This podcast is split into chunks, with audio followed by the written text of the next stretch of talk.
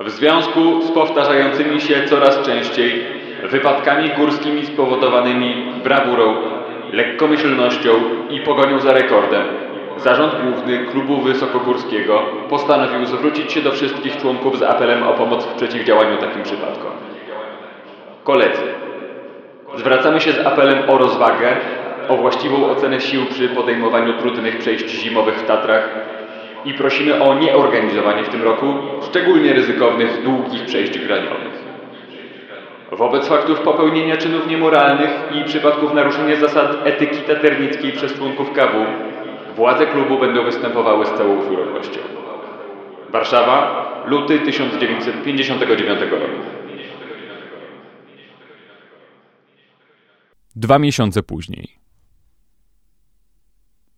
Po środowisku taternickim rozchodzi się pogłoska o pewnym niezatwierdzonym przejściu. Podobno dokonał go zespół Andrzeja Zawady. Wieść głosi, że zdobyli ostatniego świętego grala Tatr. Przeszli zimą całą główną grań. Podobno, bo oficjalne źródła nie wspominają o tym ani słowem. Podcast Głowa do Góry.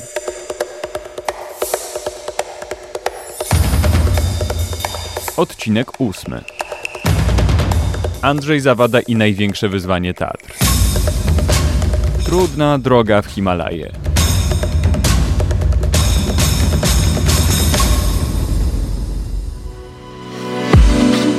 To może się wydawać dziwne, że Andrzej Zawada jest powszechnie uznawany za jedną z legend polskiego himalaizmu, mimo że tak naprawdę to nigdy nie wszedł na żaden ośmiotysięcznik.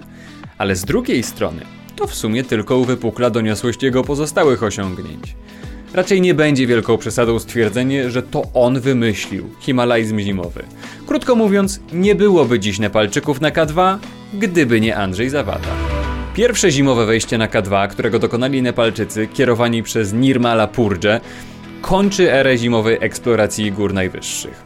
Zaczęła się ona od wyprawy Andrzeja Zawady i wejścia na Everest w 1980 roku. A jak do tego doszło? Legenda głosi, że na którymś ze spotkań Polskiego Związku Alpinizmu w latach 70. podczas rozmowy o Everestie ktoś rzucił dla żartu pytanie: Ej, a kto robił pierwszy zimowy? Żart był to nawet całkiem udany, bo w Tatrach, które są niewysokimi górami, równie ważne w środowisku było to, kto zdobył szczyt jako pierwszy w ogóle, jak i to, kto go pierwszy zdobył zimą. Takie pytanie było więc w rozmowach czymś zupełnie normalnym, tyle tylko, że nie w kontekście najwyższej góry świata. Mimo to Andrzej Zawada odpowiedział na nie: No nikt nie robił. W takim razie my zrobimy. No i wtedy jeszcze nikt nie wiedział, że mówi na serio. O wiele później Andrzej Zawada podjął też próbę zdobycia zimą K2. Miał już wtedy za sobą wiele zimowych ekspedycji w Himalaje, ale K2 dało jego wyprawie tak strasznie w kość, że rzucił wówczas na tę górę swoistą klątwę, stwierdzając, że w ciągu najbliższych 30 lat nikt nie zdoła wejść na nią w sezonie zimowym. To było w 1987, czyli 33 lata temu. Skoro więc dokonało się niedawno dzieło zapoczątkowane przez Zawadę, postanowiłem ten odcinek poświęcić właśnie jemu. Zawada twierdził, że najważniejsze w życiu to trzymać się z daleka od prostaków i wybrać sobie rodziców z dobrymi genami. Stosował się do tego. Jego dziadek walczył w powstaniu styczniowym, ojciec był prawnikiem, dyplomatą i kawalerem orderu Virtuti Militari, a matka pochodziła z rodu czarnieckich. To całkiem niezły zestaw genów. Więc nawet nie dziwne, że wszyscy opisują Zawady jako charyzmatycznego, przystojnego, świetnie wychowanego, inteligentnego i wysportowanego dżentelmena. Skumulował w sobie tyle dobrych genów, że praktycznie stał się jakiegoś rodzaju mutantem. Był gwiazdą wszędzie, gdzie się pojawił, inspirował i porywał za sobą kumpli, a kobiety intrygował i przyciągał. Zawsze był szarmancki, zabawny i uzbrojony w jakąś dobrą anegdotę. Miał na przykład swój słynny model 60, według którego zsumowany wiek kobiety i mężczyzny w parze powinien wynosić właśnie 60. Dopiero kiedy przekroczył 50, to zmienił go na model 80. Jeżeli czegoś nie potrafił, to najprawdopodobniej dlatego, że nigdy tego nie próbował. Stawał się świetny z miejsca we wszystkim, czego próbował. Grał role kaskaderskie w filmach Uzanussiego, z którym zresztą się przyjaźnił, skakał ze spadochronem, uczestniczył w wyprawach badawczych na Spitsbergen i do Wietnamu, na których pełnił również rolę filmowca i nakręcił tam nagradzane materiały. A kiedy był pierwszy raz w górach, podszedł od razu do piekielnie trudnego żlebu dreża. Andrzej zrobił wówczas na nas kolosalne wrażenie. Opisy dróg w przewodnikach wiadomo jakie są. Trzeba nie lado doświadczenia, by się w nich połapać. A ta bestia, wiedziona niebywałym instynktem, wiedziała doskonale, którędy iść. Poszedł na żywca, z pewnością nie przeczytał opisu drogi, bo nawet nie miałby jak. Jako pierwszy na linię szedł już podczas pierwszej wspinaczki. Miał intuicję i talent rasowego taternika. Tak znajomi wspominają ten pierwszy raz Andrzeja Zawady. Od wtedy w jego życiu już nic nie miało tak naprawdę podjazdu do gór. Trzy lata później na jednym ze spotkań klubu wysokogórskiego pojawiła się przyszła aktorka i przyszła żona Andrzeja Zawady, Anna Milewska. W pewnej chwili podniosłam oczy i zobaczyłam młodego człowieka. Od razu powiedziałam: Tak, to on. To jest taki moment, na który czekają wszystkie dziewczyny. Francuzi to nazywają uderzeniem pioruna. On schodził po schodach, bo na dole było zebranie. Widziałam jego długie nogi, długie uda w obcisłych spodniach, potem luźny sweter, no i miłą twarz z miłym uśmiechem. Podszedł do naszej grupy, zaczęła się rozmowa, przedstawił się Andrzej Zawada. Myślę sobie, będę się tak nazywała. Kwiecień 1958 roku. Andrzej Zawada zastaje w Zakopanem kilku znajomych taterników z ponurymi minami. Okazuje się, że dopiero co zeszli z głównej grani Tatr.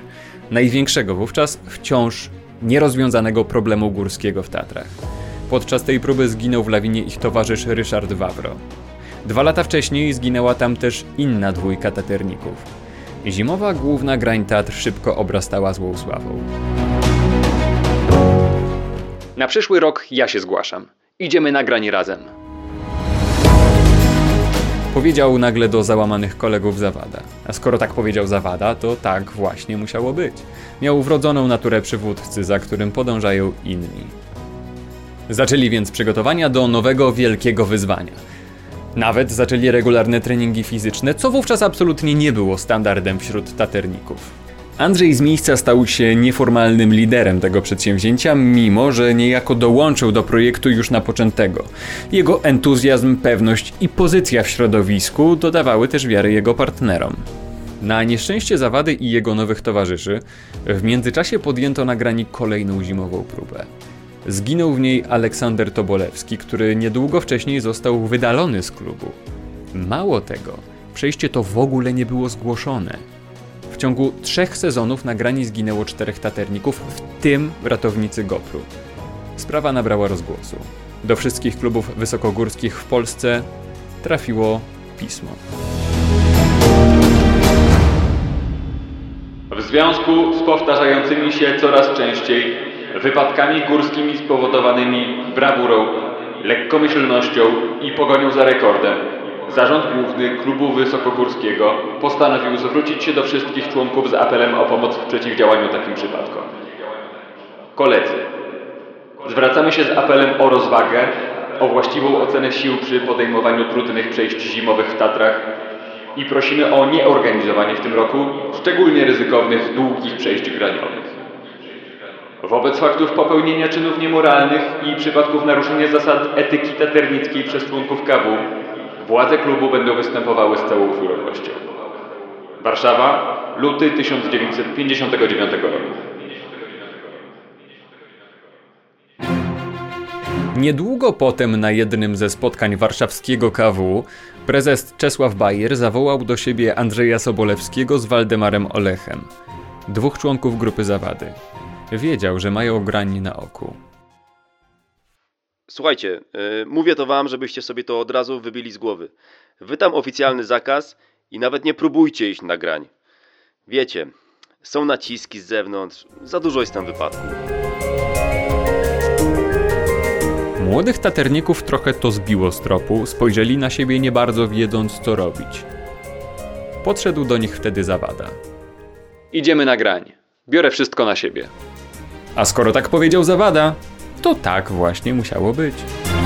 27 marca 1959 roku zespół w składzie Jerzy Krajski, Czesław Mrowieć, Kazimierz Waldemar Olech, Andrzej Sobolewski, Szymon Wdowiak i Andrzej Zawada wszedł na grań. Przez kolejnych 18 dni nocowali tylko w namiotach. Najczęściej bardzo blisko grani. Nie schodzili na noce nawet do dolin. Wyciągnęli wnioski z poprzednich tragedii, które najczęściej zdarzyły się właśnie przy okazji takich zejść.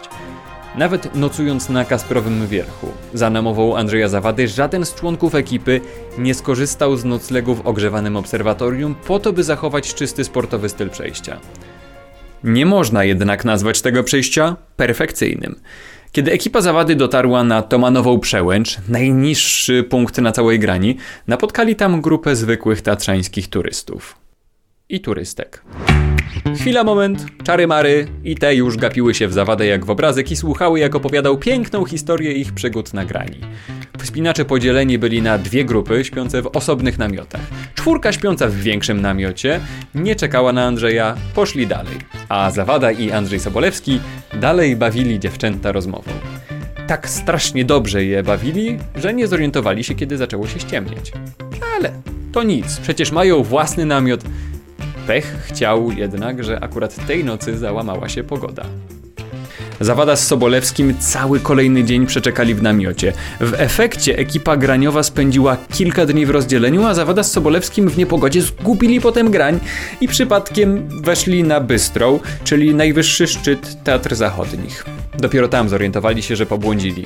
Wkrótce jednak odnaleźli się z resztą ekipy, pogoda się poprawiła i dokończyli przejście. A wejście na Bystrą nawet ładnie zgrało im się z wejściem na Gerlach, który też leży poza granią, ale weszli na niego no, tak po prostu. W ciągu 62 lat od tego wydarzenia przejście głównej grani Tatr zimą zostało powtórzone zaledwie 5 razy.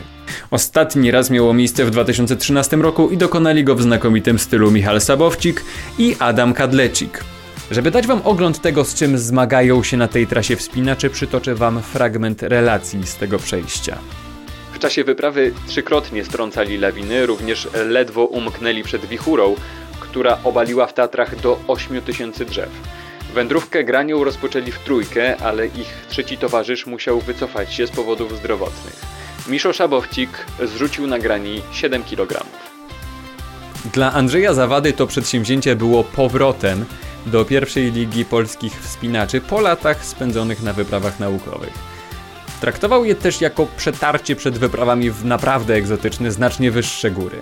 Mając świadomość, że Tatry, choć niewysokie, to w sezonie zimowym są znakomitą szkołą dla przyszłych Himalajstów. Nie docenił jednak skali konsekwencji, jakie może wywołać nieposłuszeństwo wobec władz klubu. Dokonanie ekipy zawady nie ukazało się w żadnym oficjalnym rejestrze przejść, ani w żadnym czasopiśmie wspinaczkowym. Oficjalnie tego sukcesu w ogóle nie było. Ale to nie wszystko. W tamtym czasie kluby organizowały wyjazdy zagraniczne, na które rekomendowano i zapraszano najlepszych wspinaczy. Zawada, choć wspinał się znakomicie, to przez sześć kolejnych lat nie wyściubił nosa za granicę. Walczył jednak o te wyjazdy jak szalony i w końcu je sobie wywalczył. Wiele z nich nawet potem zorganizował samodzielnie. W latach 70. zaczął prowadzić wyprawy w naprawdę wysokie góry. Jako pierwszy człowiek na Ziemi przekroczył zimą granicę 7, a potem 8 tysięcy metrów. Wchodząc najpierw na Noszak w Hindukuszu, a potem docierając na wysokość 8250 metrów na lotce, niestety nie zdobywając wierzchołka. Potem Zawada już tylko dowodził wyprawami. Był świetnym dyplomatą i organizatorem. Jak mówiła jego żona Anna Milewska, miał pomysłów na 200 lat. Mówił, że nieważne czego się w życiu dokona, tylko ważne jak to opiszą. No i to się nawet dobrze składa, bo choć bardzo długo szukałem, to nie znalazłem nikogo, kto opisywałby Andrzeja Zawadę negatywnie. Nic się moi drodzy nie martwcie, innymi sukcesami i dalszymi losami Andrzeja Zawady zajmę się w kolejnych odcinkach, bo najzwyczajniej w świecie to jest zbyt wielka postać, żeby poświęcić mu tylko jeden odcinek. Was tymczasem zachęcam do subskrybowania, lajkowania, komentowania i podejmowania wszelkich innych działań, które można podjąć na YouTubie. No bo jeżeli to się nie wydarzy, to będę trochę jak Andrzej Zawada po roku 59. No, robił fajne rzeczy, ale w sumie nikt o tym nie wiedział. A jeżeli słuchasz tego w formie podcastu, to spoko. Dziękuję Wam bardzo za dzisiaj. Głowa do góry i do usłyszenia następnym razem.